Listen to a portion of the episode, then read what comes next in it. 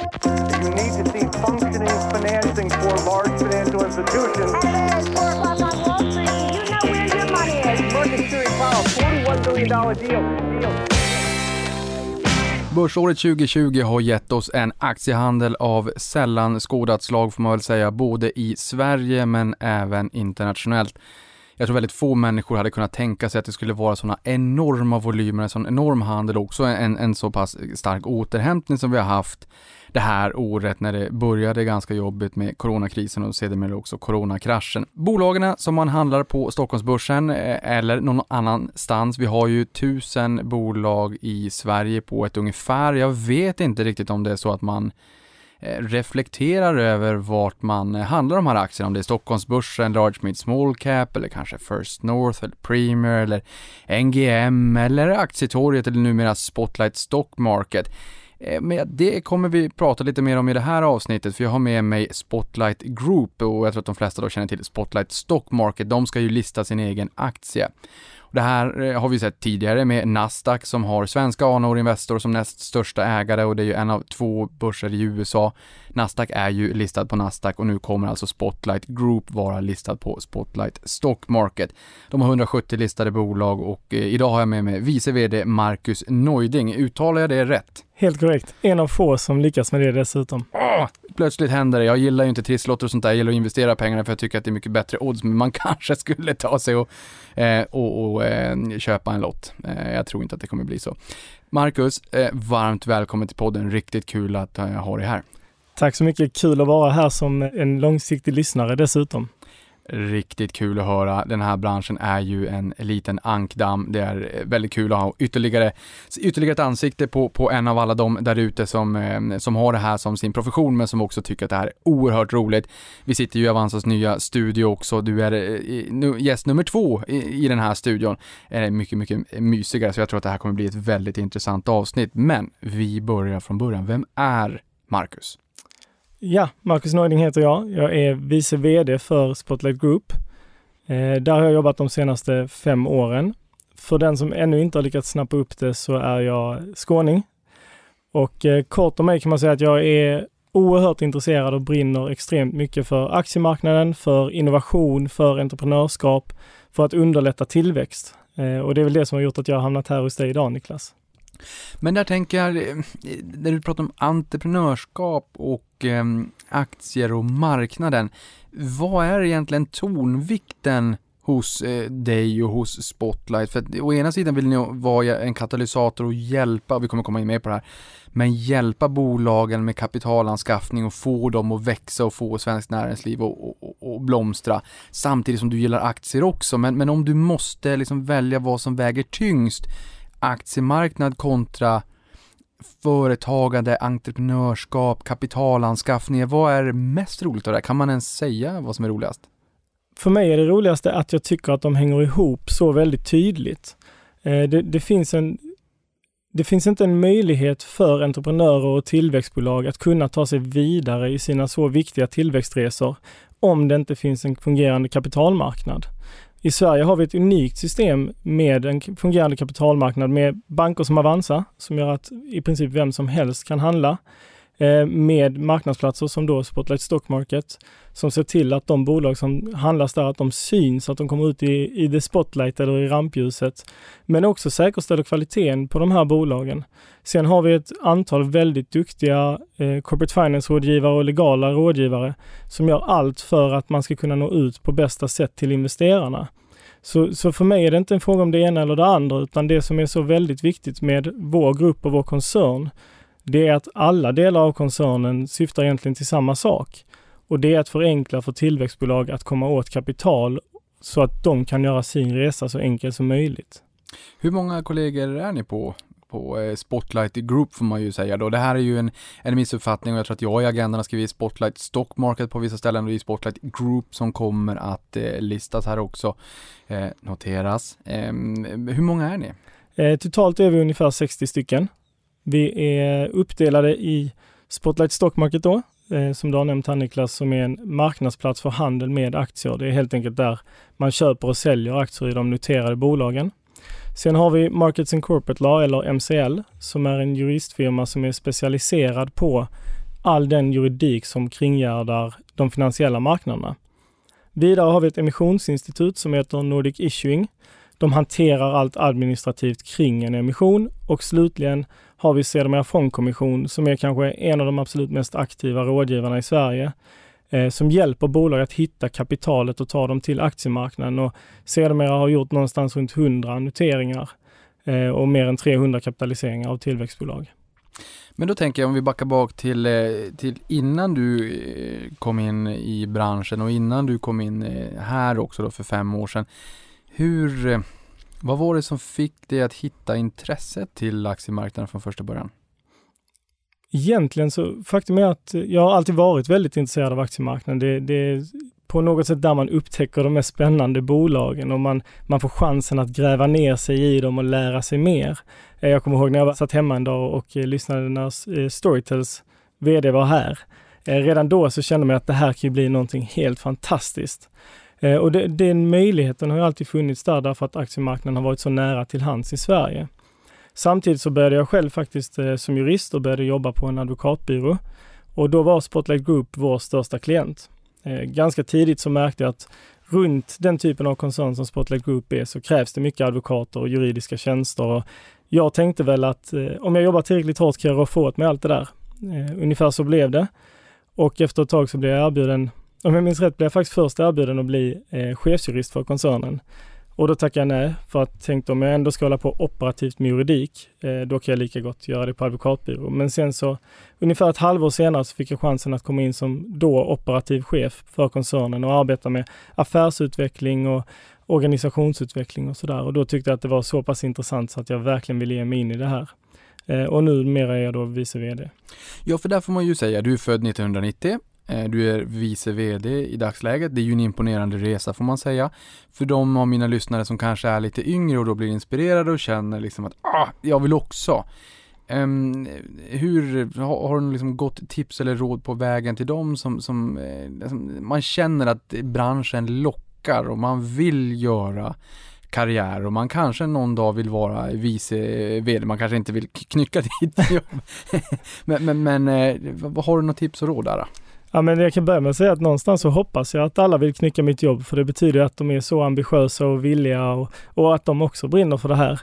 Eh, tipset från mig är nog att man måste vara villig att eh, leva, äta, drömma, eh, drömma det här jobbet. För att jag tror att om du tar en elitidrottare så är det inget konstigt att den personen är redo att lägga varje vaken timme för att uppnå sin dröm. Och varför skulle det vara annorlunda i arbetslivet egentligen? Så, så mitt tips är läs så mycket du kan, ta in så mycket du kan, lär dig av personerna runt omkring dig och omgärda dig med duktiga personer som du kan lära dig mycket av. För givetvis har jag fått, på, på något sätt har jag fått springa in mycket kunskap på kort tid genom att jag haft så duktiga kollegor som har kunnat berätta om sina erfarenheter istället för att jag behövt uppleva allting själv. Och det tror jag är en jätteviktig del i det inte uppfinna hjulet på nytt enkom. Sen är det klart, det, det, är väl vettigt att göra sina egna misstag och lära sig av dem också, de där lärpengarna, men det går ju så mycket snabbare om man inte behöver uppfinna hjulet på, på nytt. Jag tänker, mm, ni kommer ju då lista eh, Spotlight Group, eh, och vi kommer prata om Spotlight Group, självfallet noteringen, men även Spotlight Stock Market här i, i podden då. Så att jag vet, du sa till mig att det här är en väldigt vanlig missuppfattning där ute på stan när man pratar om Spotlight Group och när man pratar om eh, alltså kon koncernen och när man pratar om Spotlight Stock Market, eh, marknadsplatsen så, eh, så att du får i uppgift, den delikata uppgiften att styra lyssnarna och mig genom avsnittet så att vi alltid är med liksom när vi pratar om eh, vad då. Men eh, berätta lite grann, vad gör Spotlight Group för någonting? Eh, Spotlight Group är de fyra verksamheterna som jag beskrev tidigare. Eh, alla har egentligen ett gemensamt syfte. De är fristående från varandra, men de syftar till att förenkla för tillväxtbolag att växa. Eh, och, och, det mest kända varumärket är väl precis som du säger Spotlight Stock Market som har drygt 170 noterade bolag nu och som etablerades redan 1997. Men det vi ser är att vi har en fantastisk möjlighet inom gruppen att kugga i varandra och, och skapa skalfördelar och synergier och driva gruppen framåt på det sättet. Och eh, Spotlight Stock Market då, det hette ju Aktietorget tidigare. Ja. Varför valde ni att eh, byta namn och Eh, hur vill ni att eh, Spotlight Stock Market ska uppfattas i förhållande till gängse? Nu är det ju väldigt många nya i marknaden också, men, men den tidigare gängse bilden kanske av, av aktietorget en gång i tiden, nu, nu kontra då? Det är en jättebra fråga. Eh, det man kan säga är att när aktietorget bildades 1997, då var inte det här med aktie, aktiehandel så pass vanligt och särskilt inte i tillväxtbolag. Det var viktigt då att ge intrycket av att det är lika enkelt som att gå ner och handla med blommor på torget som att handla med aktier på torget. Eh, men det har ju förändrats extremt mycket under de här 20 åren. Aktiehandeln har vuxit enormt och det har blivit mycket viktigare att sätta bolagen i rampljuset. För som du säger så finns det tusen noterade bolag i Sverige idag. De måste få hjälpen att sticka ut. Och i synnerhet så finns det i, i de flesta fall entreprenörsbolag som de vill ju fokusera på sin verksamhet. Vi vill stå för att det ska vara enkelt, tryggt och synligt för dem. Vi tar hand om synligheten, vi gör det så enkelt som möjligt, vi gör det så tryggt som möjligt. Vi sätter er in the spotlight. Och samtidigt så måste ju investerarna känna likadant. Jag vill veta att det här är enkelt, jag vill veta att det är tryggt, jag vill veta att det är synligt. Så det gäller också att se till att investerarna får så mycket information om bolagen som möjligt för att världens bästa bolag som inte syns, det kommer inte heller handlas. Och på samma sätt så när det inte går så bra för ett bolag, det måste investerarna få reda på på rätt sätt och direkt. Ja, men det här är en jättebra eh, fråga som jag tycker att vi ska spinna vidare på lite grann. Både tryggheten man kan känna då som investerare eh, när man handlar på Spotlight Stock Market, men även bolagen. För, eh, och då inser ni att nu pratar vi ju om ett av bolagen i koncernen då, Spotlight Stock Market. Ehm, vad, hur, hur stor är den adresserbara marknaden? För du pratar om de här små eh, bolagen som behöver tillväxtkapital och behöver liksom växa och så. Hur många har hittat till, eh, till den här typen av finansiering? Men ni har 170, jag tror i någon presentation jag har sett att ni har en marknadsandel på 30 procent så som ni definierar ert segment kontra hur många bolag som finns där ute som egentligen borde söka sig till er om de bara hade dels kanske känt till er mer och känt till möjligheten och känt sig konfidenta? Det där är verkligen en fråga som jag brinner för. Eh, det finns enligt EUs definition av små och medelstora bolag över 43 000 eh, sådana bolag i Sverige. Och då är definitionen de bolag som har mer än 10 anställda. Men det finns ju väldigt många fler väldigt spännande bolag som har mindre än 10 anställda. 9% av dessa bolagen säger att tillgång till externt ägarkapital är ett stort hinder för deras tillväxt. Om det är ett stort hinder så kan vi tänka oss hur många som tycker att det är ett hinder i sig. Så varför är det ungefär knappt mer än 1% av de som har hittat till eh, kapitalmarknaderna när det borde vara så mycket större? Varför är det inte två? Varför är det inte tio? Vi, vi borde enkelt kunna på sikt tiodubbla den här marknaden och bygga ut den även till övriga Norden. För det är, tycker jag verkligen, det bästa sättet för en, de allra flesta entreprenörsbolag att snabba på sin utveckling. Men, men där blir man lite nyfiken också på eh, de här lite mindre bolagen. Vad vill de helst göra om de hade fått välja? Hade de velat ta in eh, kapital, alltså skuld eh, och eh, använda sig av eh, liksom, ja, belåning, men, men låna pengar så att säga, att lånefinansiera sin tillväxt framåt? Eller är man beredd att dela med sig av ägandet och kroka arm med andra ägare som kanske kan bidra både med kapital, men kanske även med, med, med kunskap, eh, lite grann beroende på såklart, kanske inte mig som småsparare som sitter bakom en skärm och trycker på köp. Men ändå, alltså är man beredd att eh, dela med sig av, aktie, av ägandet i en eh, tidig fas? Vad säger de där? Jag, jag skulle absolut säga att det är man. Eh, dels därför man inser fördelarna som det innebär, men många av de här bolagen, de har inte börjat tjäna pengar än. De har en väldigt, väldigt bra tanke på hur de ska nå dit. Eh, och ett lån, ja men det hjälper sällan i det läget. Det, det, är mycket bättre att få in ägarkapital som du på riktigt kan använda till din tillväxt. Eh, samtidigt så är det också så att de här bolagen kan gå in på börsen med en lägre värdering ta in mindre kapital vid det tillfället, veta om att det finns ett kapitalbehov 12 eller 24 månader bort, men då har de ju hunnit växa sin verk verksamhet och då behöver de dela med sig så att säga mindre av bolaget nästa gång de tar in kapital. Så använder man aktiemarknaden på rätt sätt så är det ett fantastiskt sätt att få in den typen av ägande som du önskar men ändå behålla kontrollen över ditt bolag och det är svårare i en privat miljö. Nej, jag, jag, tänker också att man brukar ju säga att man ska vara försiktig med bolag som inte tjänar pengar och sen så eh, är det nästan så att ibland känner man att man måste definiera det där för, för vissa menar att de inte, att de inte har någon topline eller ingen försäljning och omsättning och menar vissa att nej, vissa menar då att man kanske inte går med vinst bottom line. Det är ju inte så konstigt kanske om man är i en väldigt kraftig tillväxtfas såklart och behöver investera mycket. Ehm, men vad säger du där? Den här gamla klyschan om att man ska akta sig för bolag som inte tjänar pengar. Låt oss definiera det då, bottom line, att man inte går med, eh, med vinst. Ehm, men jag skulle säga att det finns för många olika typer av bolag för att göra en sådan generalisering. Till exempel så noterade Sedemia Fondkommission som ingår i gruppen ett bolag 2019. Det var då värt eh, pre-money ungefär eh, 20-30 miljoner tror jag. Och de tog bara in 20 miljoner. Men de har uppnått sina mål på vägen och nu är de väl värda 700 miljoner tror jag. Och, och, det visar ju just att den här typen av bolag kan ju ha en fantastisk utveckling ändå för att det är inte meningen på vägen de ska utveckla till exempel sina läkemedel eller någonting i den stilen. Det är inte meningen att de ska börja tjäna pengar redan. De har andra verksamhetsmässiga mål som de ska uppnå. De här fyra områdena, vilken, eh, vilken av dem eh, är störst? Vilken växer snabbast? Vilken är lönsammast? Eh, Spotlight Stock Market är i sig den största. Det står för ungefär 55 procent av omsättningen. Eh, Sedermera Fondkommission är den näst största och står väl för 35 procent av omsättningen.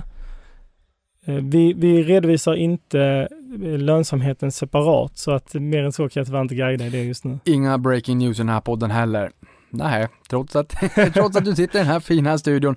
Nej, men okej, okay. då tänker man Spotlight Stock Market. Det är förmodligen mycket, mycket högre handel när, när börsen tänder på alla cylindrar.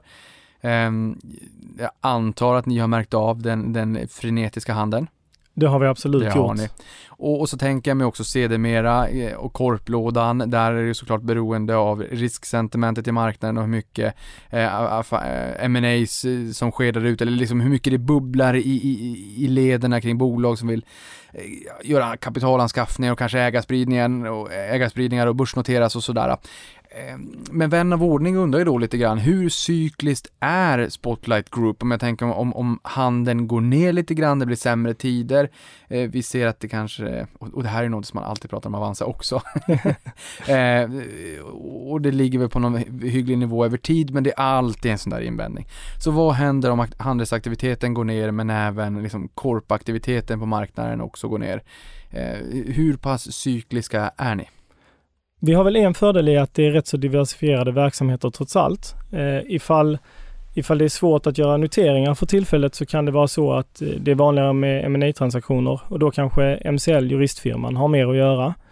Eh, och på samma sätt så bolagen behöver alltid pengar oavsett om det är bra handel eller inte. Ofta handlar det bara om att vara tillräckligt duktig rådgivare för att kunna genomföra kapitaliseringarna även i den situationen. Dessutom så är vi ganska så verksamma i Danmark och det har faktiskt visat sig de senaste åren att det kan vara så att handeln går ner rejält i Sverige och kanske till och med hur det bubblar i sentimentet som du säger. Men det kan vara väldigt hett i Danmark samtidigt. Givetvis är vi som alla andra till viss del konjunkturkänsliga, men jag tycker att diversifieringen gör att vi har väldigt goda möjligheter att hålla en jämn utveckling. Men då tänker jag mig, för, för ni pratade om eh, andelen repetitiva intäkter som är upp mot 40 procent. Mm. Eh, om vi tar då Spotlight Stock Market, hur stor andel, alltså hur tjänar ni pengar där? Eh, mm. Hur mycket är upfront, liksom för handeln, provisioner och hur mycket är liksom, repetitiv del? Utveckla, hur tjänar ni pengar där? Man kan egentligen säga att det finns tre olika intäktsströmmar för Spotlight Stock Market, alltså marknadsplatsen. Eh, dels är det månadsavgifter varje månad från bolagen som är noterade. Eh, dels är det courtageavgifter. Det är det som handelsmedlemmarna, alltså mäklarhusen och bankerna, betalar till oss för att deras eh, slutkunder och de själva ska kunna handla. Och sen får vi också en liten peng varje gång ett bolag noteras i en engångsavgift. Och det är relativt jämnt fördelat på Spotlight Stock Market mellan courtageintäkter och månadsintäkterna som vi får från de noterade bolagen. Eh, jag tänker mig också, du pratar om den geografiska mixen och eh, Danmark. Mm. Hur ser den geografiska mixen ut? Är det ju det är Sverige och Danmark i dagsläget om jag har förstått det hela rätt? Ja, det är korrekt. Eh, Spotlight Stock Market sitter i Stockholm. Det är här vi har kontoret. De andra tre verksamheterna befinner sig i Malmö och därmed också en närhet till Danmark. Och vi har jobbat väldigt mycket med danska bolag, men till exempel har Sedermera Fondkommission även noterat ett finskt bolag förut. Vi har en hel del förfrågningar både från Norge och Finland, så Eh, även om huvudfokus nu är Danmark så börjar ju hela Norden också uppmärksamma något av det svenska undret med hur bra det går för tillväxtbolag att ta in kapital och notera sig här. Jag hade en småbolagsförvaltare i den här studion igår som pratade just det där om att Sverige har liksom en, en, ändå en, en, en god Ehm, en sådd eller gräsrotsrörelse i Sverige. Vi är ju väldigt aktieintresserade men att det inte alls riktigt går lika bra i eh, primärt eh, främst Norge men kanske även i Danmark. Nu låter det här som att ni har ju då satsat på Danmark utanför Sverige men att ni inte heller stänger dörren för Norge och Finland. Vad, vad är det liksom största skillnaden i affärsklimat och bland eh, spararna i Danmark jämte oss lite halvaktietokiga i Sverige?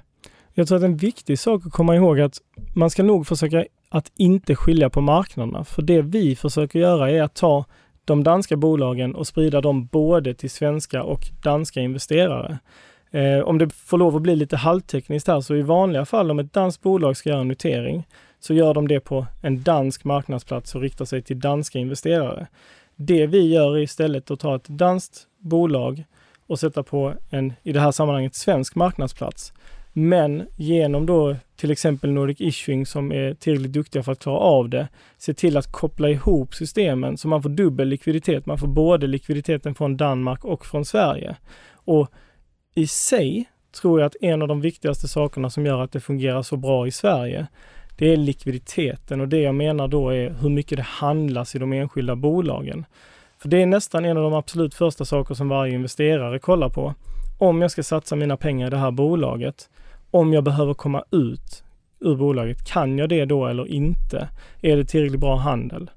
Eh, och där, där är vi övertygade om att ju mer du bygger ihop det nordiska, istället för bara ha danska investerare i Danmark och svenska investerare i Sverige, så kan du ju faktiskt ha svenska, danska, finska investerare och norska också i ett och samma bolag och då måste rimligtvis likviditeten bli mycket bättre. Och det har vi börjat pröva med Danmark för bara något år sedan och eh, det ser vi också att det har gett precis den effekten som vi trodde för de här bolagen. Ja, för, för här är ju liksom en, en vanlig invändning när det kommer till småbolag, eller inte invändning, det är egentligen fel ord, men en vanlig liksom, eh, varningens finger lite grann. Och det är ju inte bara Spotlight Stock Market, även eh, small cap för den delen på, på, på Stockholmsbörsen. Men just att om shit really hits the fan, vilket den gjorde nu faktiskt i, i våras då, så brukar man säga att det finns en risk, en likviditetsrisk helt enkelt enkelt att man inte kommer ur innehaven, att spreaden blir jättestor mellan köp och säljsida. Hur ser det generellt ut? Nu behöver vi inte ta coronakrisen kraschen nu, men, men generellt, hur, eh, hur bra likviditet är det hos er? Även om nu, nu förbättrar ni ju den så att säga med det här initiativet. Men hur bra är den generellt i, i vanliga fall? Är den bättre än vad många tror? Jag tror absolut den är faktiskt mycket bättre än vad många tror. Det ligger kvar en gammal, eh, du får tänka att för kanske tio år sedan då var det nästan svårt att ta in 10 miljoner till ett bolag i det här segmentet. Det har hänt så otroligt mycket och på det har ju investerarna följt med för investerarna har ju sett vilka fantastiska resor de kunde satsa i Storytel då som vi redan har varit inne på eh, när det la på Spotlight och följa med det hela vägen upp. Och i takt med att de har haft de här tillväxtresorna, i, i takt med det har också investerarna hittat mycket mer till de här listorna. Eh, samtidigt så ser man att även institutionellt kapital i väldigt mycket större utsträckning hittar till eh, Spotlight och, och Nasdaq First North eftersom de ser ju också de tillväxtmöjligheterna.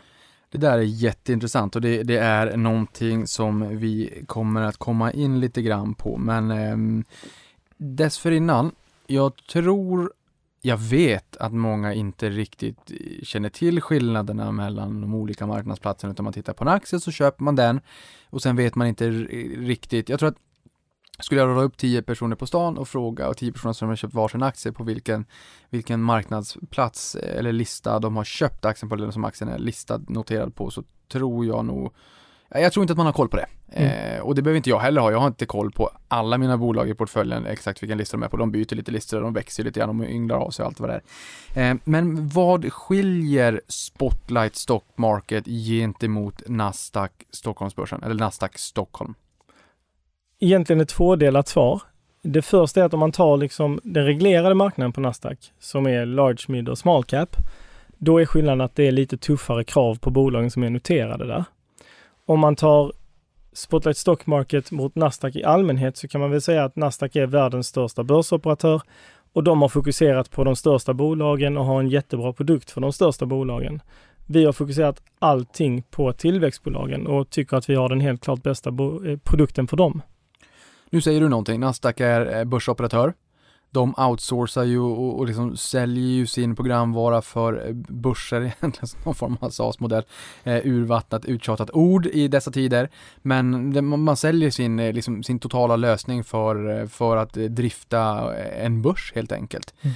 Är det här någonting som eh, ni skulle kunna tänka er att göra i framtiden för den här typen av segment? Att man gör det lite grann till en, en svensk eh, export Eh, och, visar andra länder att det här är ett sätt som man kan hjälpa bolag att växa och liksom, hjälpa dem med kapitalanskaffning, skapa arbetstillfällen, sysselsättning och liksom få näringslivet att blomstra och de, de, små juniorerna att växa så att säga. Skulle ni i framtiden ha, nu har ni investerat ganska mycket i er IT-plattform senaste åren har jag förstått, men bara bubbla teoretiskt, skulle det vara en möjlighet för framtiden?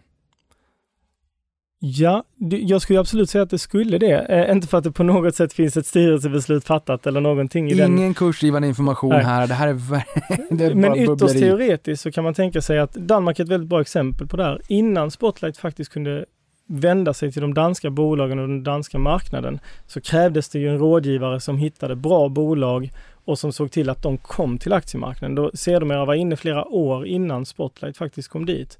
Och sen så när Sedermera väl hittade bra bolag då krävdes det jurister som kunde hantera både svensk och eh, dansk rätt. Och sen krävdes det ett emissionsinstitut som kunde göra detsamma.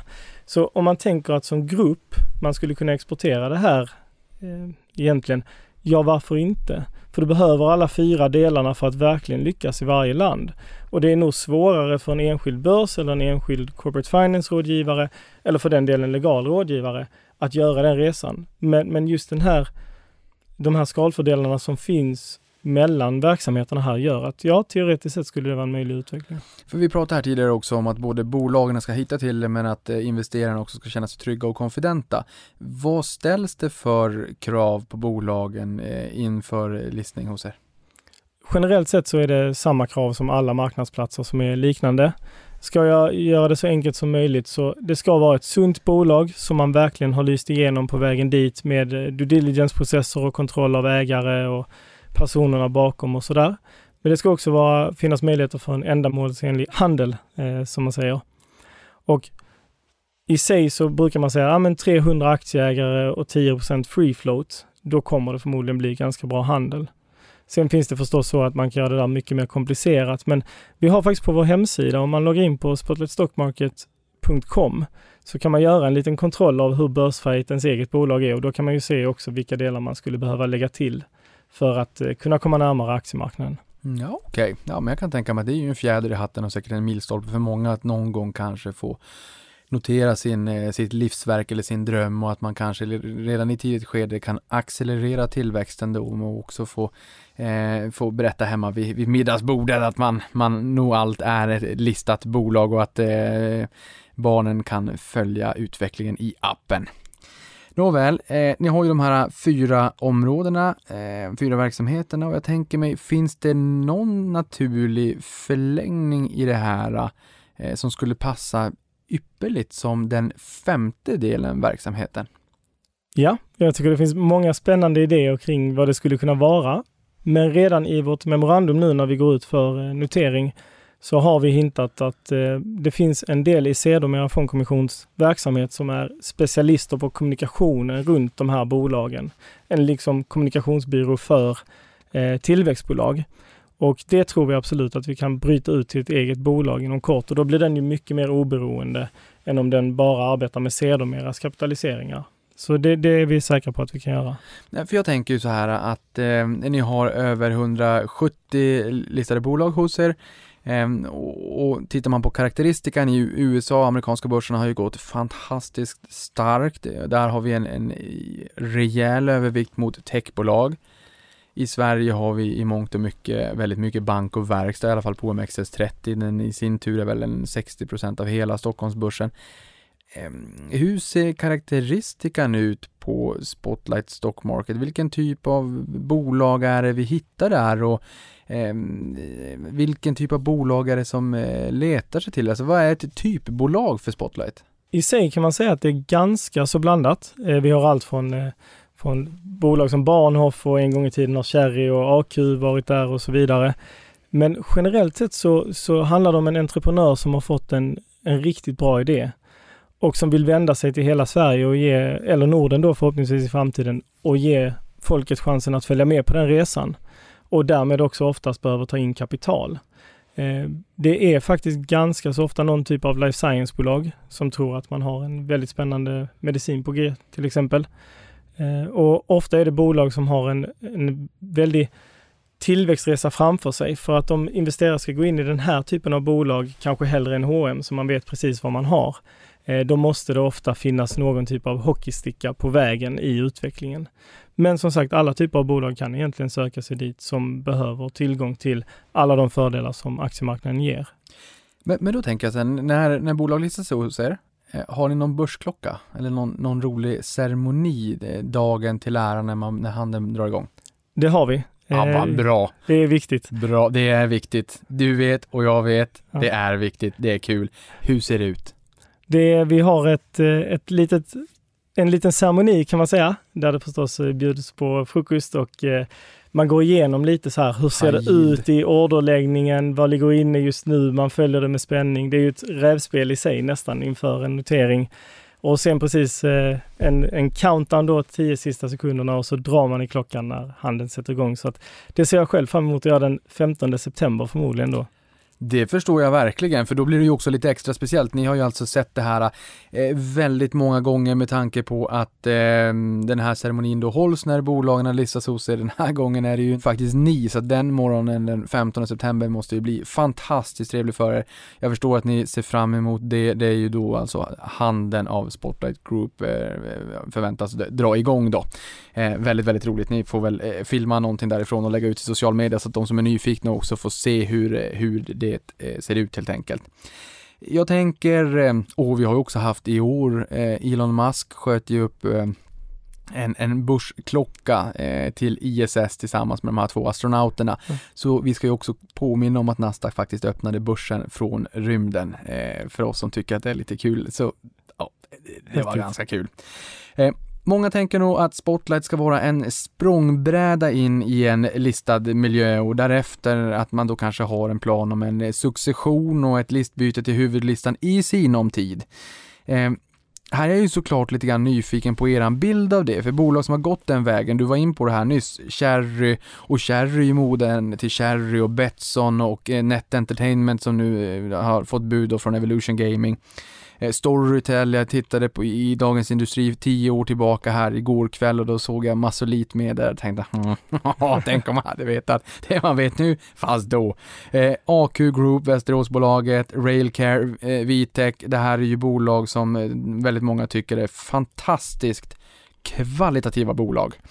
Eh, men hur ser en normal livscykel ut för ett listat bolag hos er? Håller du med om den här eh, gängse uppfattningen kanske att det är en språngbräda och att man sen ska vidare? Eller hur, hur länge kan man eh, bo i, på eh, Spotlight? Men egentligen för oss så är de bolagen du nämner där, det är ju success stories. Om du tänker tillbaks på vad det är vi brinner för, så brinner vi ju för att hjälpa de här bolagen att växa. Så ifall de har kommit in hos oss och kunnat få all den hjälp, för att en jätteviktig del av vårt erbjudande på Spotlight Stock Market, det är att se till att bolagen i så stor utsträckning som möjligt kan fokusera på sin verksamhet och att vi hjälper dem att göra det enklare att vara noterad. Och det gör vi med, med en himla massa produkter som de ingår i vårt paket som det faktiskt inte gör hos någon annan. Och vi är mycket mer vägledande till bolagen och ser till att verkligen finnas där för dem. Om det har lyckats så bra att de kanske en dag har kommit dit där de ska ha en egen koncernjuriststab och en himla massa IR-folk och tycker att det finns en fördel att gå till midcap. Ja, men då, då har vi ju faktiskt lyckats med precis det vi ville göra. Vi ville hjälpa dem på den resan. På frågan om, om det finns bolag som kan växa ur spotlight så att säga. Jag tycker egentligen inte det. Jag tycker att det finns alltid en fördel att få den hjälpen som vi ger. Och jag vet många förvaltare på, på institutioner som idag säger till bolagen att ja, men stanna på MTF så länge som möjligt. För det är onödigt att dra på er mer kostnader och mer administration när ni i detta läge ska fokusera på verksamheten. När ni har kommit upp dit att ni, ni faktiskt behöver en egen koncernjuriststab och IA-stab och så vidare, ja men då kan det vara läge att gå över. Och det kanske finns de, den typen av bolag som, som ska ta steget till midcap eller large cap på längre sikt. Ja, men intressant. Det låter lite grann som Adam Kostial på eh, Nasdaq Stockholm som också menade att eh, det inte är ett nederlag om det är så att ett bolag eh, köps ut eller på annat sätt kanske lämnar eh, dem då, utan att det är en naturlig del i ekosystemet och en naturlig del i successionen. Och precis som du menar här att men då har man ju faktiskt uppnått någonting och lyckats med, med någonting. Och att det kommer in nytt friskt blod underifrån och nya bolag som behöver hjälp. Så att Ja, eh, intressant. Jag tänker, och det är ju visst, där är ju absolut success stories, men också att påminna om att det finns många success stories som ändå har eh, varit på Spotlight och jag menar ett bolag som är väldigt uppskattat är ju eh, Bahnhof eh, som uppenbarligen aldrig växer ur det där. Jag träffade Jon, vi var på en aktieträff med Unga Aktiesparare, det är många år sedan. Um, och, och, då sa han att jag gillar utdelning. uh, och, och, och uh, han tyckte att det var, han tyckte att det var finemang. Nu har ju de aviserat i och för sig att de ska byta list och sådär, men det verkar ju som att det, det sitter fast ännu så länge. Han verkar uh, nöjd. Um, så att ett bolag kan alltså inte riktigt bli övermoget utan det blir e- en form av löpande värdeskapande får man väl säga. Men vissa institutionella investerare tänker jag, kanske också utländska dito, kanske har ett placeringsmandat som säger att eh, aktierna ska handlas på en, en reglerad marknad. Det var någon annan jag pratade med, jag kommer inte riktigt ihåg vem det var, som sa att det där var ett större problem förr i tiden. Men jag tror fortfarande, Marcus, att den här upp, gängse uppfattningen finns där ute. Alltså hur, ehm, eh, hur mycket ehm, grus i skon är det för bolag som är listade på Spotlight, men som är nyfikna på utländska investerare och institutionellt kapital? Är det ett, en utmaning? Egentligen tycker jag att vi ser att precis den typen av investerare investerar hela tiden i det här segmentet nu. Ett jätteenkelt och aktuellt exempel är ju att Tellus Fonder eh, tog ett täckningsåtagande på 2 miljoner i vår notering. Eh, men jag instämmer med den då företalaren som sa att förr var det ett stort problem och, och ibland är det svårt att tvätta bort den typen av uppfattningar hos folk. Idag ser vi till och med AP-fonderna investera i vårt segment så att eh, jag tycker att det har blivit ett väldigt mycket mindre problem med åren. Går det att säga någonting om ungefär hur stort ett genomsnittsbolag är hos er i termer av market cap? några hundra miljoner. Eh, jag, jag har faktiskt inte siffran exakt på eh, vad genomsnittet ligger på tyvärr. Därför det som är lite intressant där vet jag att eh, tjänsten Holdings eh, för, det är nog ganska länge sedan, det är väl något år sedan i alla fall, la ut en liten bild också som visade att just kring 700-750 miljoner kronor, där ser det ut som en hockeyklubb, alltså då börjar int intresset för bolag Eh, dra rejält. Där brukar institutionellt kapital komma in och då brukar man också se en, en, eh, en multipel expansion, alltså att man då eh, mm, man ser en rejäl uppvärdering av ja, varje vinstkrona, stigande P-tal och allt vad det är. Ehm, och då kan jag tänka mig för de som gillar den här typen av segment och den här typen av bolag att ehm, om, om genomsnittsbolaget är ett par hundra miljoner, då är man ju nästan alltid, alltså det är ju till eran buffé man då går ifall man vill hitta de här bolagen som är liksom lite grann innan det stora kapitalet hittar dem och det kan ju vara så att de har hittat dem tidigare men att de är för små, att de måste växa till sig lite grann innan de eh, plockar in dem helt enkelt. Ja, för det kan man ändå komma ihåg på, på frågan om det finns restriktioner är att vissa av de här har ju uttalat att vi vill inte äga mer än x procent av ett bolag. Och ifall de då vill satsa 50 miljoner men bolaget är för litet, ja då stoppar det eh, den möjligheten. Å andra sidan då som investerare, precis som du säger, så jo, men när då bolaget har blivit så pass stort, då har jag ju redan varit inne på resan tidigare. Eh, så jag tror att det finns stora fördelar. Givetvis med, med det går inte alltid så bra, men, men jag tror att alla vet om att det här är förhoppningsbolag som har fantastiska möjligheter och utsikter men att ibland så går det inte heller hela vägen. Men då undrar jag lite grann, hur ser eh, listningsprocessen eh, ut från Ax till Limpa, från det där första telefonsamtalet eller mejlet till att man står där på morgonen och ser liksom när det blir 10, 9, 8 och ringer i klockan och ser hur handeln drar igång? Allra mest så skulle jag säga att jag kan likna det första steget vid eh, draknästet. Det, är liksom, det kommer in en entreprenör, han har en väldigt bra idé, han vill förverkliga den här. Eh, kanske inte helt ovanligt att det är en forskare som har en bra tanke. och drar det för en corporate finance-rådgivare, förklarar sitt case och rådgivaren i sin tur då bedömer är det här någonting som jag tror på? Kan jag få den svenska aktiemarknaden att vara intresserad av det här? Kan jag få mitt investerarnätverk att vara intresserade? Sen börjar förstås diskussionerna. På vilken värdering ska det här göras? Hur mycket kapital ska vi ta in? Hur mycket behöver ni egentligen? Och under tiden här så börjar corporate finance-rådgivare och legala rådgivare jobba med bolaget för att göra det börsfärdigt. Och det är en fantastisk process i sig för att det gör bolaget så mycket mer professionellt på vägen. Man tvingas faktiskt få 100% i kontroll över hela sitt bolag, vilket annars man kanske inte har behövt ha ännu. När man har kommit så långt så börjar man skriva memorandum och, eller prospekt och erbjudande handlingar till allmänheten och samtidigt så börjar man då prata med en marknadsplats. Och när man kommer till marknadsplatsen då påbörjas alla typer av due diligence-processer. Man genomlyser bolaget på alla sätt ner till egentligen minsta siffra, men också vilka är personerna bakom, eh, penningtvättskontroller och allt sånt där. När bolaget väl är godkänt av den här noteringsdelen av en marknadsplats, ja men då går man ut till allmänheten och säger nu har ni ungefär två veckor på er att få följa med på den här värderingen, annars får ni handla den när det väl börjar handlas på marknaden. Och då gör man ju en stor resa som bolag, ofta roadshows, det är svårare i coronatider, men man är ute och presenterar.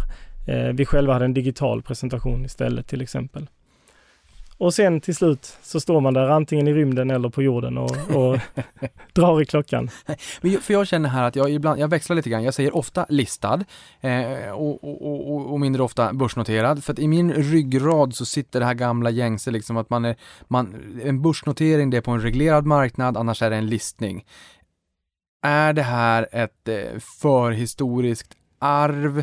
Kan vi beta av det här en gång för alla? Eh, vad är din uppfattning? Eh, hur, vad är korrekt? Nu för tiden är det notering. Eh, jag håller med dig att pratar man med riktigt gamla i gamet så finns det fortfarande någon som råkar säga listning kanske, men, men folk säger notering numera. Det var kanske viktigare för att försöka göra någon typ av distinktion mellan storbörsen och, och MTF-segmentet. Men så är det inte längre. Okej, okay, då säger vi börsnotering härifrån i den här podden då. ni, får, ni får markera the turning point. Jag tänker i dagsläget så har ni över 170, har jag skrivit listade, i, i, då säger vi i dagsläget har ni över 170 noterade bolag och har gjort över 125 noteringar sedan 2015 och därigenom tillfört bolagen 11,4 miljarder, eller över 11,4 miljarder skriver ni. Eh, dock så får man ju känslan av att eh, det är en viss omsättning då på, på bolagen. Det är 170 noterade idag, över 125 noteringar sedan 2015. Det måste finnas en viss eh, omsättning och, och, och, det gör det ju eh, självfallet. Men hur ser nettotillväxten av bolag ut? De senaste sex åren så har vi gått från eh, 123 noterade bolaget till vid utgången av 2019 178 noterade bolag på Spotlight Stock Market. Så över cykler så är det helt klart en väldigt tydlig uppåtgående trend. Sen kan det vara så till exempel att Corona kommer och det blir ett litet stopp i maskineriet. Bolagen vågar inte gå ut på marknaden precis då. Eh, då kan det vara en annan typ av trend, men över cykler så är det helt klart en uppåtgående trend på antalet noterade bolag. Eh, jag tror att har, antalet bolag som är noterade i Sverige har ökat med 75 procent de senaste fem åren. Fantastiskt. En, en, en, liksom ett än växande, än större smörgåsbord för alla oss som vill hitta guldkornen där ute. Också lite jobbigt i och för sig, för det, finns det är svårt att hålla koll på allting. Det är över 70 000 globalt. Det är då man ska få dem att synas på bästa sätt. Exakt. Eh, jag, jag, tänker, eh, ni har ju också någonting som ni kallar för Spotlight Next-bolag. Vad innebär det? Spotlight Next är egentligen en lista för de bolag som har kommit ännu lite längre i sin tillväxtresa. Eh, de ska ha ett market cap på minst 150 miljoner, men de ska också vara redo att gå över till till exempel eh, koden för bolagsstyrning och IFRS redovisning. Det är så att säga ett sätt för dem att visa att nu har vi tagit ytterligare ett steg i vår tillväxtresa och för vår del så försöker vi belysa dessa bolagen ännu mer så att utöver all den hjälp som vi redan ger till våra bolag i form av eh, täckning från affärsvärlden, eh, IR-sida och så vidare, så får de här ytterligare analystäckning från oss. Eller inte, vi gör inte analystäckningen, men vi ser till att det, det finns. För den analystäckningen, det här har ju varit en utmaning i branschen den senaste tiden eh, och det har väl nya regelverk eh, var väl tilltänkta att göra gott, men det kanske har slagit lite långt eh, så, så att många bolag kanske inte riktigt har täckning och, och genomlysning och, och, vill man ha det så får man betala ganska stora pengar för det. Det är flera, flera hundratusentals kronor. Eh, och det är ju pengar som såklart hade kunnat gå till annat, men, men det kostar väl att vara med i matchen, vad vet jag. Men, men vad gör ni här för Mm, för, för att öka genomlysningen av bolagen och få dem att vara in the spotlight där ute? Dels har vi ingått ett eh, avtal med Cision som gör att det är väldigt lätt så fort de släpper någonting så, så når de till alla på marknaden direkt. Det ingår i paketet. En av de viktigaste sakerna är att vi har ingått ett samarbete med affärsvärlden som gör att de ska eh, analysera och genomlysa ett stort antal bolag på Spotlight varje år. Och det är klart att ibland blir bolagen skogstokiga på oss för att de får en dålig analys. Men å andra sidan så visar det ju att det fungerar. Det är ju det analyserna ska vara till för. för det man med lagstiftningen kanske försökte komma åt det är så att säga köpta analyser som ofta kan visa att det här är ett jättebra bolag men det är ju bolaget som betalar för det kanske. Man betalar inte för en analys om den säger toksälj åtminstone så släpper man kanske inte den. Man, man kanske tvingas betala för den ändå, men eh, i vårt fall så är det så, men vi ser till att affärsvärlden, vi betalar Affärsvärlden för att de ska göra det här istället. Och då kommer ju investerarna uppmärksamma våra bolag. På samma sätt så, så har vi ett samarbete med IPO-guiden som granskar alla bolag inför notering och ger sin egen rekommendation på hur man som investerare ska göra. Men också då ifall det är någonting som man särskilt ska uppmärksamma. De sätter så att säga flaggor och en, en flagga behöver absolut inte alltid vara negativt. Det bara betyder att som investerare så ska du vara extra uppmärksam på det här. Och när vi gör det, ja men då skapar vi faktiskt mer synlighet för bolagen, men också mer trygghet och synlighet för investerarna. Och det tror jag är någonting jätteviktigt. Så det där arga, eh, det eller de arga telefonsamtalen, det är ju ändå liksom någon, ett, ett tecken på att det här ändå eh, fungerar. Det blir, det, blir, inte alltid bara köp utan det blir någon form av förtroende i, i det hela också att det inte är eh, köpt och då är det bara guld och gröna skogar. Ja. I ett videoklipp på er sajt så pratar ni om er strategi eh, som går ut på att vara en viktig debattör i samhället kring fördelen med börsnoteringar för att uppnå era långsiktiga målsättningar. Utveckla det här. Hur gör ni rent konkret för att vara den här viktiga samhällsdebattören som påpekar hur oerhört viktigt det här är? Ett jätteviktigt steg är att få fler bolag, vi pratar om det där, det är 1% lite mer av SME-bolagen som har hittat till kapitalmarknaden. Vi som samhälle måste se till institutionerna, myndigheterna, marknadsplatserna. Vi måste göra allt vi kan för att det här ska bli mer tillgängligt, för att fler ska förstå, för att det finns någon typ av uppfattning fortfarande att börsen är till för de allra största bolagen. Vi i Sverige har ju lyckats bevisa att så är inte fallet. Börsen är till för alla bolag som är i en tillväxtfas. Och det är jätteviktigt för oss att se till att nå ut med det. Samtidigt finns det en annan aspekt på det där som är, är superviktig tycker jag. I Sverige så är det möjligt för, jag nämnde ett bolag innan som hade en pre-money-värdering på 20 miljoner och gjorde en värdering där man tog in drygt 20 miljoner. Det går inte på de allra flesta ställen i Europa för att det har blivit för dyrt och krångligt att vara noterad. Man måste vara värd flera hundra miljoner och man måste ta in flera hundra miljoner bara för att klara av att vara i den noterade miljön. Och vi tycker det är superviktigt på alla sätt att få lagstiftarna att förstå att det här bolaget som jag berättade om innan då, som har gjort en resa från 20 miljoner till 700-800 miljoner, de hade inte kunnat göra det i övriga Europa, för det hade varit för dyrt och det hade varit för krångligt. Och för oss är ju det viktigaste att hela segmentet växer. Vi är ju med alla våra verksamhetsdelar placerade i mitten av segmentet. Så ju fler bolag som noterar sig, ju bättre för oss, eh, givetvis. Och då måste det vara enkelt att notera sig. Då får man inte eh, komma med halvgalna regler som säger vi har alla sett bötesbelopp och, och sanktioner för lite för sen rapportering av insynshandel. Eh, det är sånt som skrämmer investerarna istället. Och där måste vi vara en viktig röst som kämpar för att göra det lättare för entreprenörer och tillväxtbolag. Men det här är entreprenörerna och tillväxtbolagen som i störst utsträckning hittar till er eller är det ni som i, i störst utsträckning hittar till dem kanske? Jag tänker samarbeten med företagarna som, som har känselspröten ute bland landets alla företagare där ute, eller många av dem i alla fall. Hur, hur ser den mixen ut? Kom, är man lite nyfiken, knackar på eran dörr och liksom lite försynt frågar eh, så, eh, eller hur, hur går det till rent praktiskt? Rent praktiskt skulle jag säga att det finns eh, tre, tre olika sätt. Antingen så kommer bolaget redan med en corporate finance-rådgivare Eh, då, då har de själva hittat till den allt som oftast. Eller så är det en rådgivare som har läst om ett intressant bolag i tidningen och slått en signal och sagt, ska inte ni gå till aktiemarknaden? Eh, den andra delen är, är bolag som själva kontaktar Spotlight Stock Market och säger, ja men vi är nog intresserade. Och faktiskt ser vi en växande andel som går in och gör just det här testet jag pratade om tidigare på vår hemsida. Hur börsfärg är jag? Och som upptäcker att, ja men jag är redan på steg två av tre. Gud vad det här är spännande. Och då ber de oss ofta att eh, ta kontakt med dem efter det. Mm en trend där ute de senaste åren är ju equity crowdfunding och det finns ju några olika aktörer i det här segmentet. Jag är lite osäker på status och vigör just nu för det har varit en del konkurser och sådär och eh, kanske en del småsparare som har bränt sig men, men likväl alltså segmentet finns ju där. Eh, hur, eh, hur påverkar det här er och, och är ni alls intresserade av det segmentet eller är det alldeles för tidig fas? I sig, som utgångspunkt, så är det ett positivt segment därför att det leder till att fler bolag vet om att det är möjligt att ta in kapital från allmänheten. Och egentligen, det är ju det vi sysslar med. Det är ju publik kapitalanskaffning. Så för vår del så tycker vi det är väldigt positivt. Det som kan då vara negativt är precis den aspekten som du lyfter upp, att det finns kanske fler fall där investerarna bränner sig i den här typen av plattformar. Och investerarna är nog ofta med på att göra en dålig investering, men om det är för att ett bolag inte har varit tillräckligt genomlyst eller man faktiskt inte har gjort en ordentlig undersökning av bolaget innan det börjar handlas, då vill de inte vara med längre. Så det vi istället har gjort på Spotlight Stock Market är att vi har skapat ett nytt segment som vi kallar Go Public. Och den typen av bolag som där går in där, de börjar inte handlas direkt. Men däremot så kan de i upp till 18 månader träna på att vara noterad.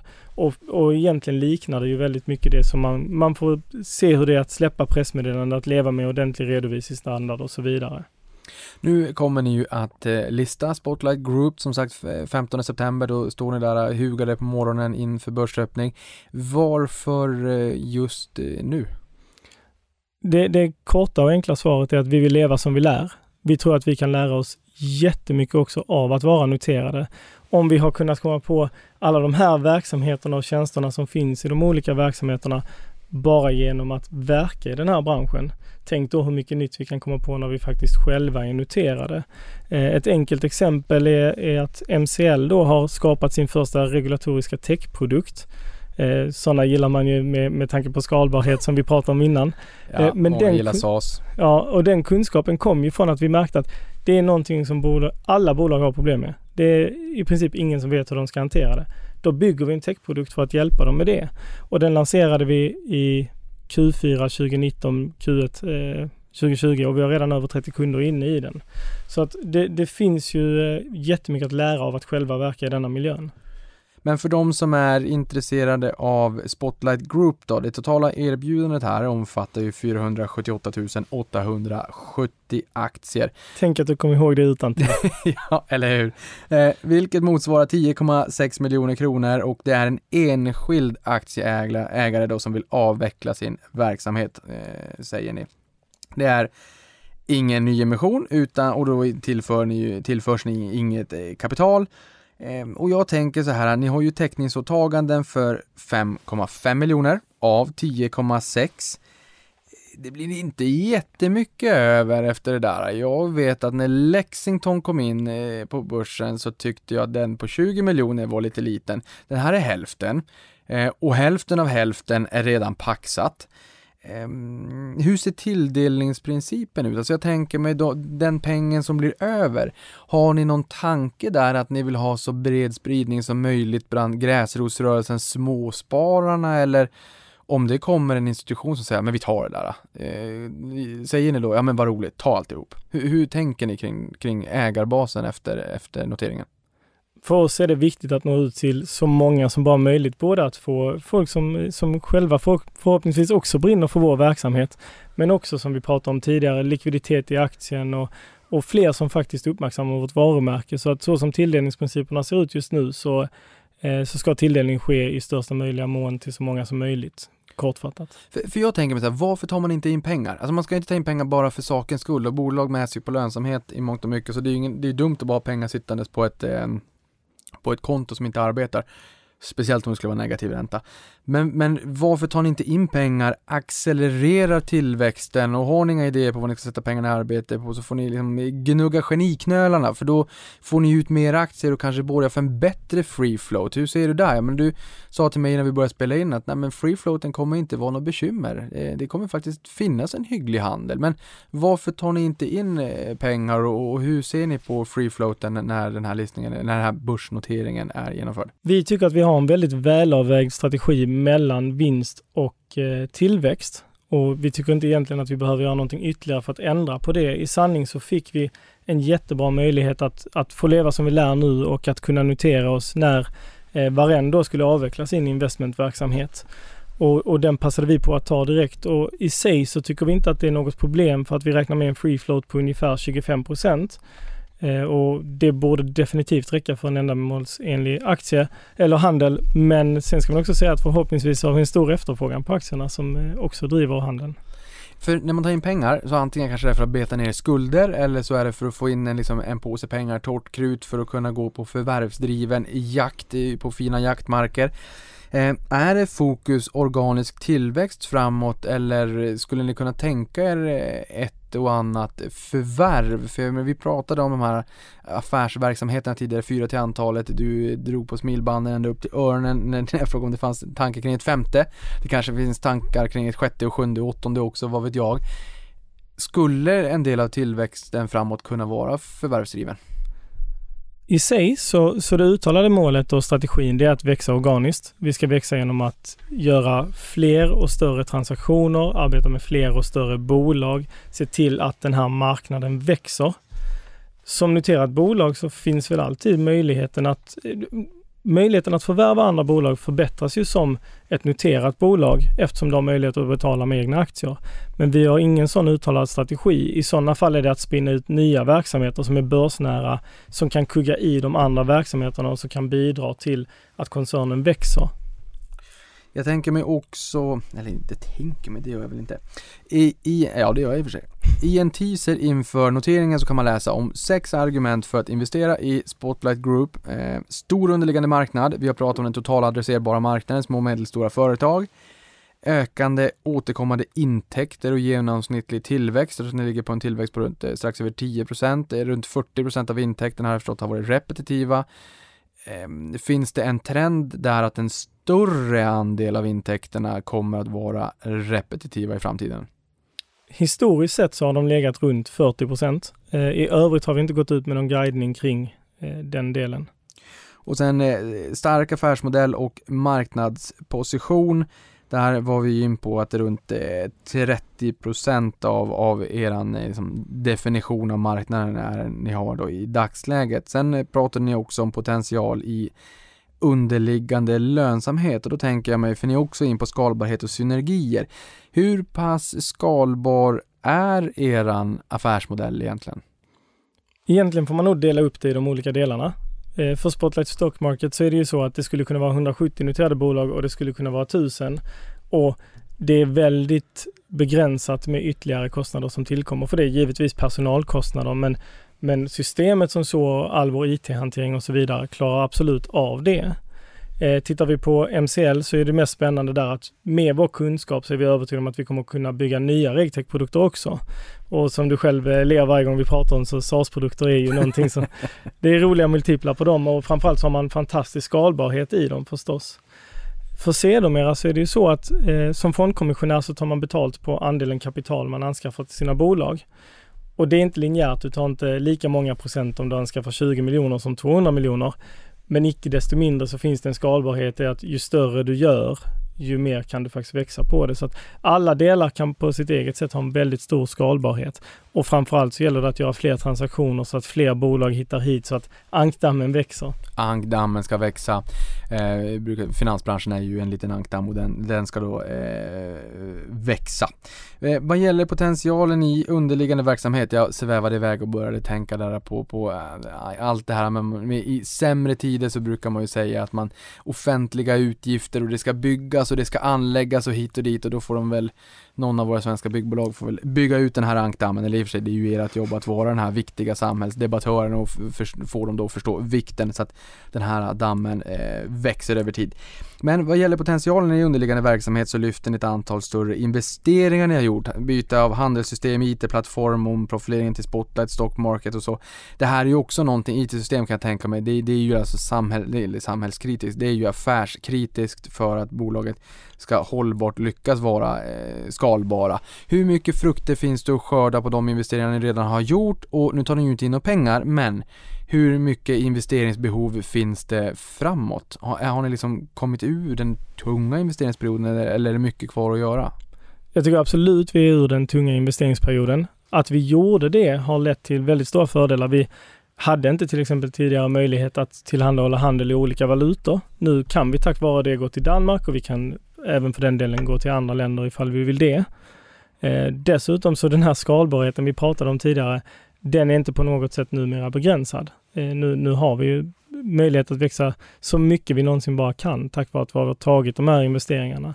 En del i de investeringarna också, även om de inte lyfts upp där, det är förstås att bilda MCL och, och börja jobba på deras nya regtech-produkter. Och det är ju också någonting som vi verkligen hoppas på och tror på över sikt kommer kunna växa fram på ett otroligt bra sätt. Så den, den, den typen av regtech-produkter är enkom för era bolag eh, som är noterade eller är det här produkter som skulle kunna komma den lokala fotbollsklubben till del? Eh, allting vi gör syftar till att vara börsnära tjänster eh, och, och, i det här fallet så det kan komma alla möjliga olika typer av bolag till gagn, även large cap-bolag. Men vi vill ju vara ett ekosystem av börsnära tjänster som kuggar i varandra. Punkt nummer fem då skriver ni att punkt nummer ett då, stor underliggande marknad. Sen nummer två, ökande återkommande intäkter och genomsnittlig tillväxt. Nummer tre, stark affärsmodell och marknadsposition. Nummer fyra, potential i underliggande lönsamhet och sen så nummer fem då, goda möjligheter till attraktiv eh, utdelning. Eh, när kommer ni att börja ge utdelning? Det vi har sagt i memorandum och som är en tydlig målsättning, det är att vi ska dela ut årligen och vi ska dela ut 50% av nettoresultatet. Så det är från start? Kan man säga, eller kan man tolka det som? Så bör man nog tolka det. Nummer sex och sista då, starka och långsiktiga ägare samt erfaren personal. Du sa att ni var 60 stycken till antalet. Um, hur ser ägar, eller hur kommer ägarlistan att se ut uh, på post-notering? Vi har uh, tre stycken väldigt välkända investerare i Sverige som är erkänt extremt duktiga. Eh, Staffan Persson, eh, Staffan Salén och eh, Erik Åfors. De har allihopa skrivit på lockup-avtal 12 månader och 100% av sina innehav. Även jag själv och vår VD Peter Gönsi finns på listan över de tio största ägarna. Peter kommer efter emissionen att vara den femte största ägaren. Vi har givetvis också, precis som alla andra i personalen, 12 månaders lockup-avtal till 100 procent. Eh, dessutom så kommer då Tellus Fonder, som jag nämnde lite snabbt innan, att ha slagit sig in på listan över större ägare. Så du följer pilotskolan? Absolut. Vatten och bröd inför noteringen och kasta in så mycket pengar som möjligt i, i aktierna där. Du har ju redan aktier i dagsläget. Eh, målsättning, er, er målsättning är 10% omsättningstillväxt, 10% rörelsemarginal och 50 eh, utdelning då av nettoresultatet den här 10-procentiga rörelsemarginalen. Ehm, för en av punkterna då till, till varför det kan bli en god investering över tid är ju potential i underliggande lönsamhet. Eh, och ni ligger ju inte på, på 10% i dagsläget när det kommer till rörelsemarginalen. Men är det en lägsta nivå eller är det ungefär där man kan tänka sig att det kommer att ligga? Det här kan bli lite känslig eh, fråga såklart eftersom att många säkert spetsar öronen nu. Men, eh, men utan att lova någonting, alltså i och med att eh, skalbarheten i modellen, vissa av de här fyra verksamhetsbenen, vissa grejer är mer skalbara än andra. Långsiktigt skulle vi kunna se en, en bit norr om 10 eh, procent. Ja, för det vi har sagt är egentligen att den genomsnittliga eh, omsättningstillväxten ska vara 10 procent. Och detsamma gäller då förstås vinstmarginalen. Så det kan ju vara så att enskilda år både går upp och ner. Men, men genomsnittligt så är det tanken att det ska vara 10% som vi växer. Nu har vi pratat väldigt mycket om Spotlight Stock Market mm. eh, och det är ju Spotlight Group som eh, börsnoteras. Eh, tycker du att jag har pratat för lite om de tre andra benen? Jag kan tänka mig om ni hade varit ute på fysiska roadshows, ni har haft redan digital och sådär, att det är mycket frågor kring kring gamla aktietorget, numera Spotlight Stock Market, men, men tycker du att det är lite styrmoderlig behandling av de andra tre benen? Vad, vad är det mest intressanta? Det är i och för sig jobbigt med kollegorna som jobbar på de andra tre, men alltså jag antar att det är mycket fokus på Spotlight Stock Market från investerarna där ute. Sen massmedialt och, och eh, fokus från investerarna vid frågorna är ju mycket Spotlight Stock Market. I sig är det inget konstigt för det, det varumärket de känner till absolut bäst och vi själva har ju dragit fördelar av att döpa om gruppen till Spotlight Group. Så, så det är inte i sig konstigt. Men konceptet i sig med alla de här fyra delarna och möjlighet att kugga ut nya hjul eh, i, i det här. Det är det jag tror är absolut mest intressant snarare än en enskild verksamhet i sig. Om man tittar på sedermera eh, så, så, skulle kanske vissa då vilja säga att ah, men det här är ett konsultbolag och ska ha eh, ett P-tal som ett konsultbolag också i sådana fall. Men det är ju en del av någonting mycket större. Det är inte lika cykliskt som ett vanligt konsultbolag på något sätt. Eftersom det ingår i en grupp där man kan föda varandra på olika sätt utan att för den saken skulle vara mindre oberoende i förhållande till varandra.